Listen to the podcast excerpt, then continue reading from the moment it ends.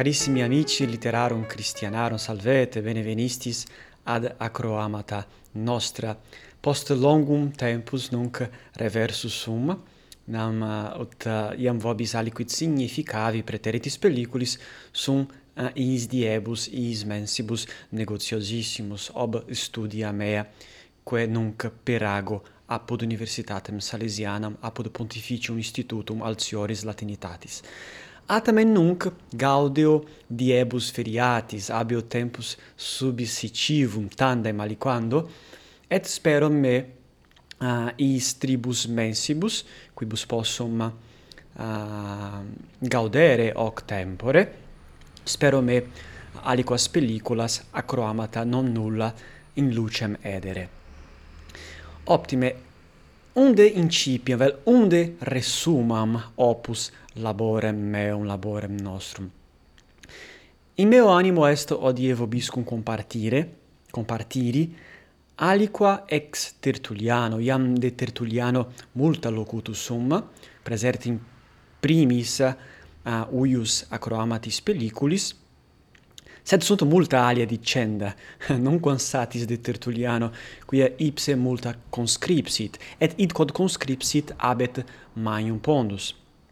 Odie autem in votis abeo tantum modo vobis presentare analisim, brevem analisim per orationis quam scripsit uh, Tertullianus in opere suo apologetico.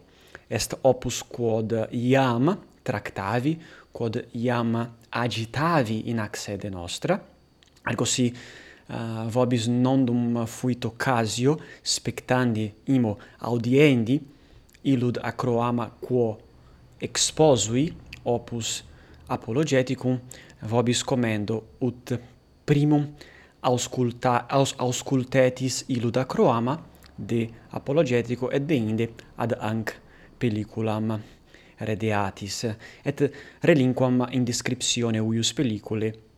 Uh, nexum quo possitis accedere ad acroama de apologetico.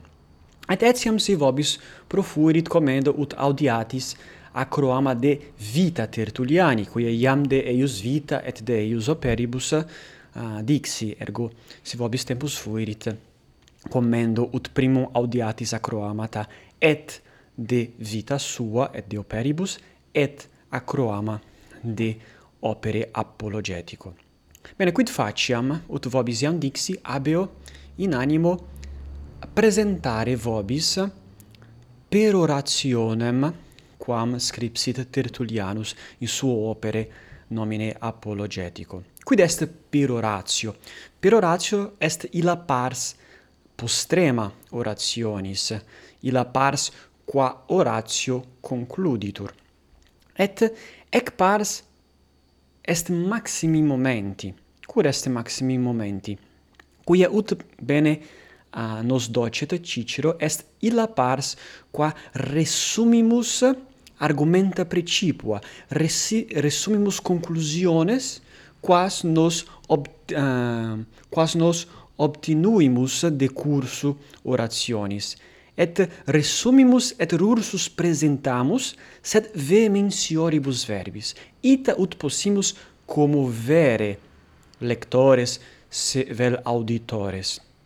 Ergo hoc est hic est finis per orationis resumere, recapitulare, est recapitulatio et etiam movere, movere affectum movere animum. Itaque semper gravatur verbis vehementioribus. Et hoc nos videbimus nunc in hac per oratione imo videbimus tantum partem per orationis, quia per oratio est satismania et ponderosa et gravis. Nos tantum modo um, agitabimus, tantum modo excutiemus brevem partem.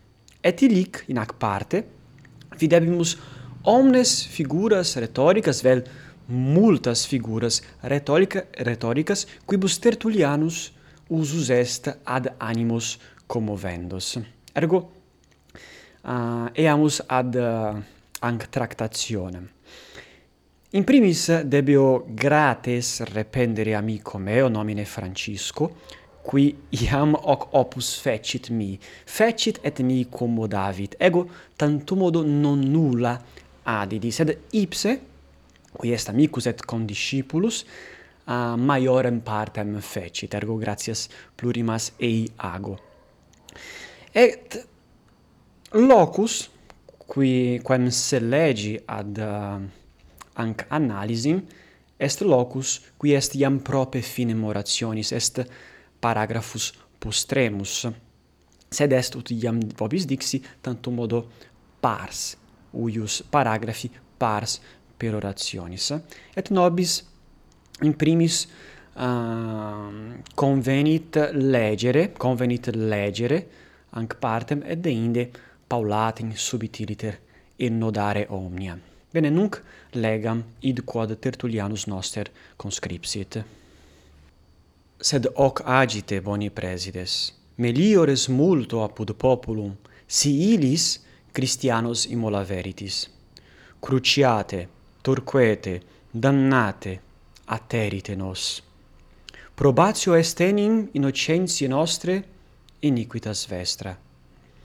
Ideo nos ec pati Deus patitur, nam et proxime ad lenonem dannando Christianam potius quam ad leonem confessi estis labem pudicitie apud nos atrociorem omni pena et omni morte reputari. Nec quicquam tamen proficit exquisitior queque crodelitas vestra.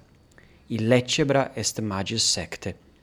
Plures efficimur quotiens metimur a vobis semen est sanguis Christianorum. Bene, in primis enodabo aliquantum textum, ut vobis eh, facilius fiat intellectu, et deinde uh, eh, transeamus ad figuras rhetoricas quibus eh, utitur Tertullianus.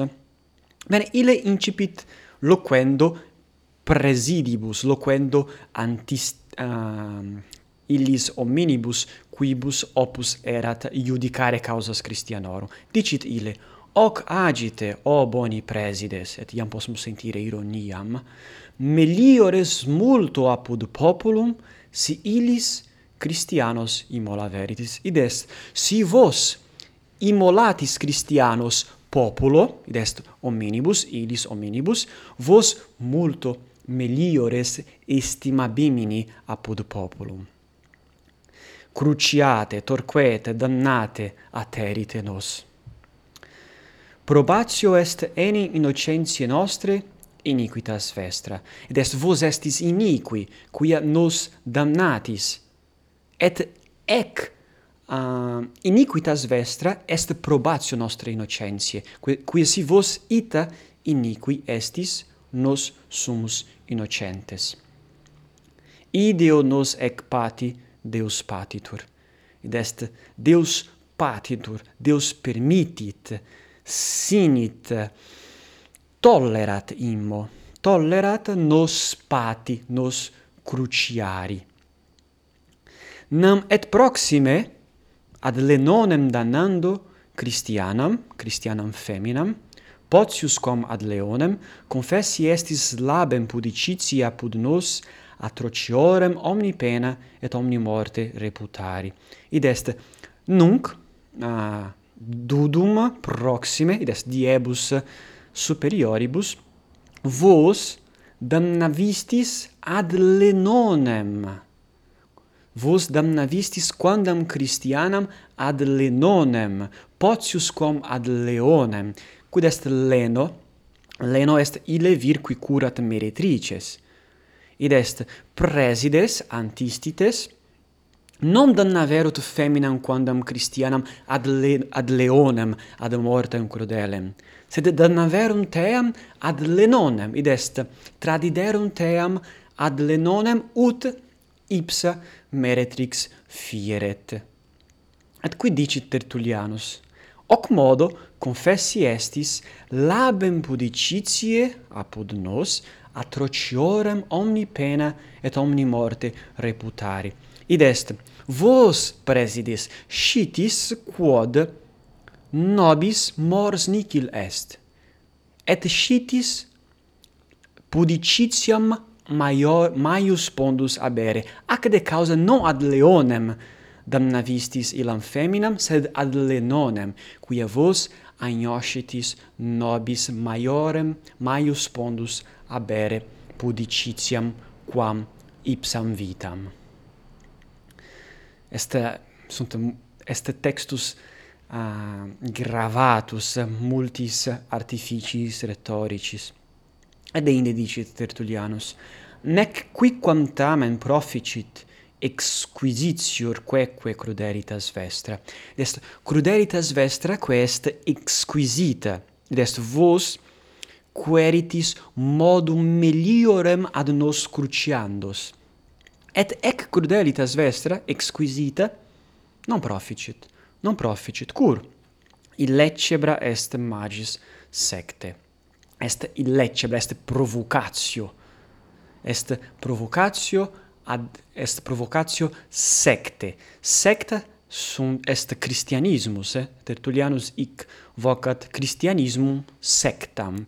Quae est uh, appellatio quae vigebat apud Romanos et hic fortasse ille utitur ironia dicit est provocatio secte id est nos quem vos uh, nos quos vos appellatis sectam ec crudelitas nobis ec crudelitas est illecebra est provocatio. Ed inde dicit plures efficimur quod sciens metimur a vobis. Nos multiplicamur, nos multiplicamur quod sciens metimur a vobis. Quod morimur, plures efficimur. efficimur. Ed ende uh, sic finem imponit. Semen est sanguis Christianorum. Bene, hoc dicto, eamus ad figuras rhetoricas quas Tertullianus utitur in hac uh, eh, expositione, in hoc, in hac sua perorazione.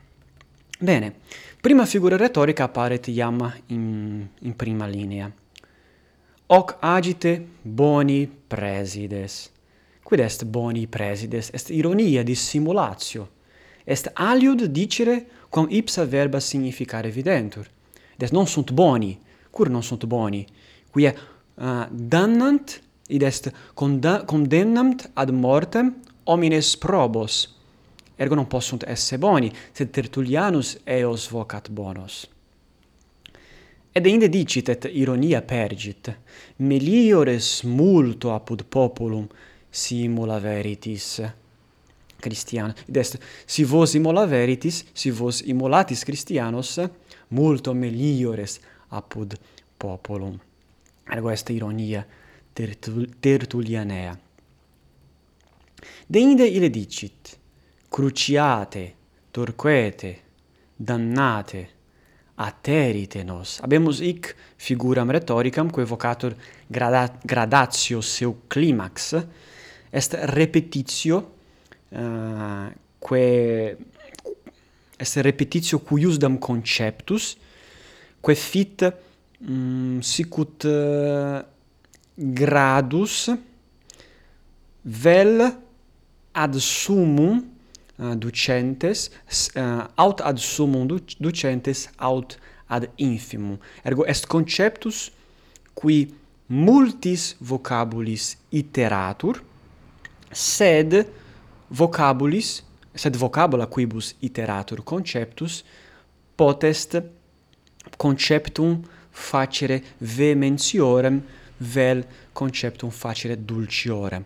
Ic uh, in nostra sententia conceptus ut patet fit vehementior nomne cruciate torquete dannate aterite nos. Des, cruciare est uh, dolore afficere aliquem. Inde torquere est verbum torqueo quod est tormentis affligere deinde dannare, condannare ad mortem, et deinde atterere est consumere morte. Ergo habemus gradus sicut uh, habemus gradationem quae ascendit ad summum et postremum verbum est verbum atterere et nunc iam significat morte consumere ergo Tertullianus utitur gradatione seu climax grece.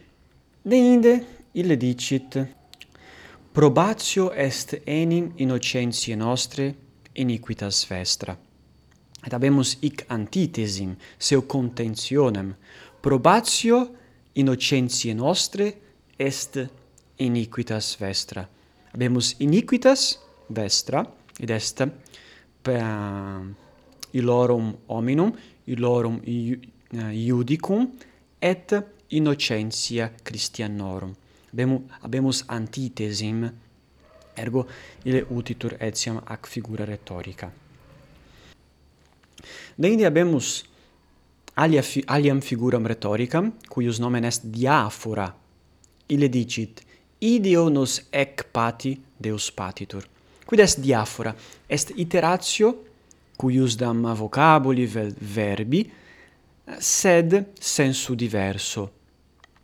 In ac sententia exempli gratia. Nos ec pati Deus patitur. Primum verbum est pati, secundum est patitur. Pati significat hic in ac sententia cruciare. Et patitur significat tollerare. Deus tollerat, permittit, quid nos cruciari. Ergo est idem verbum, sed habet sensum aliquantum diversum. Est figura rhetorica quae vocator diaphora. Ed inde paronomasiam habemus, hm, quia ile dicit, nam et proxime ad lenonem dannando Christianam, potius quam ad leonem. Lenonem et leonem. Quid est paronomasia? Paronomasio est ec coniunctio duorum vocabulorum, quae sonum similem habent, sed sensum diversum. Sonus est similis, lenonem leonem, sed sensus est omnino diversus. Ergo, uh, est alia figura, quae etiam an movet animos lectorum. Deinde ile dicit, plures efficimur, quod metimur a vobis est paradoxon, est paradoxum, est aliquid quod fit preter expectationem, quia si nos metimur a vobis significat nos mori, significat nos occidi. Atamen, quotiens morimur plures efficimur, quod est paradoxum. Si morimur non possumus efficere uh, non possumus fieri plures sed hoc fit cur quia semen est sanguis Christianorum. Ergo Tertullianus utitur uh, paradoxo. Et deinde postrema figura retorica est sententia semen est sanguis Christianorum est sententia quae est omnibus nota et siam ilis qui non sunt rebus Christianis assuet iam audiverunt anc sententiam semen est sanguis Christianorum. Et quid est sententia, id est ec figura rhetorica quae vocatur sententia, est enunciatio pressa et evidens, perspicua, clara, manifesta, quae facile memoriae mandatur. Est sententia pressa, brevis, quae faciliter memorie, quae facile memorie mandare possumus. Ergo, ut uh, possumus videre, et nobis clare apparet, in ac paragrafo, quae satis brevis est, multa, multe sunt figure retoricae quibus utitur Tertullianus, et ut iam vobis dixi, ec est antumodo pars uius perorationis est per Horatio est magna, sed in hac in hoc loco, in hoc parvo loco multas sunt consideranda, multas sunt dicenda et nos possumus uh, sic animadvertere et agnoscere Tertullianum fuisse virum doctissimum non solum in ipsa lingua latina qua ipse optime utitur sed etiam sed etiam erat peritissimus in arte retorica et ille in hoc opere uh, dicamus maxime utitur suis artificiis rhetoricis bene ergo uh, anc pellicula incidi no ut uh, de omnibus rebus loqui possim sed presertim ad provocandum animum vestrum ad hoc opus legendum. Id est Ec pellicula est illecebra a animi vestri. Ergo um, ehm, propositum meum est animum vestrum incendere, accendere, ut uh, possitis sumere eh, uh, apologeticum Tertulliani et legere. Non est opus facile lectu, quia Tertullianus mm, dicamus utitur multis sententiis pressis etiam loquitur de rebus philosophicis interdum etiam eh, est obscurum ac de causa est eh, auctor obscurus ac de causa non est opus facile intellectu sed possumus lente procedere et vobis dico labor quem debemus suscipere ad eh, hoc opus legendum et excutiendum est labor quod postea fit uh, iucundus quia infine videmus et discimus multa ex Tertulliano, non solum de Christianismo et de ac storie uh, momento de ac storie de ac etate, qua vixerunt Christiani apud sub imperio romano sed etiam multa discere possimus ex uh, hoc opere quae pertinent ad, ad rhetoricam, ad ipsam linguam latinam, ad vocabula quae erant illic in uso primis seculis post Christum natum, qui sapissime epissime nos presertim legimus uh, auctores classicos, auctores qui vixerunt seculo primo ante Christum natum.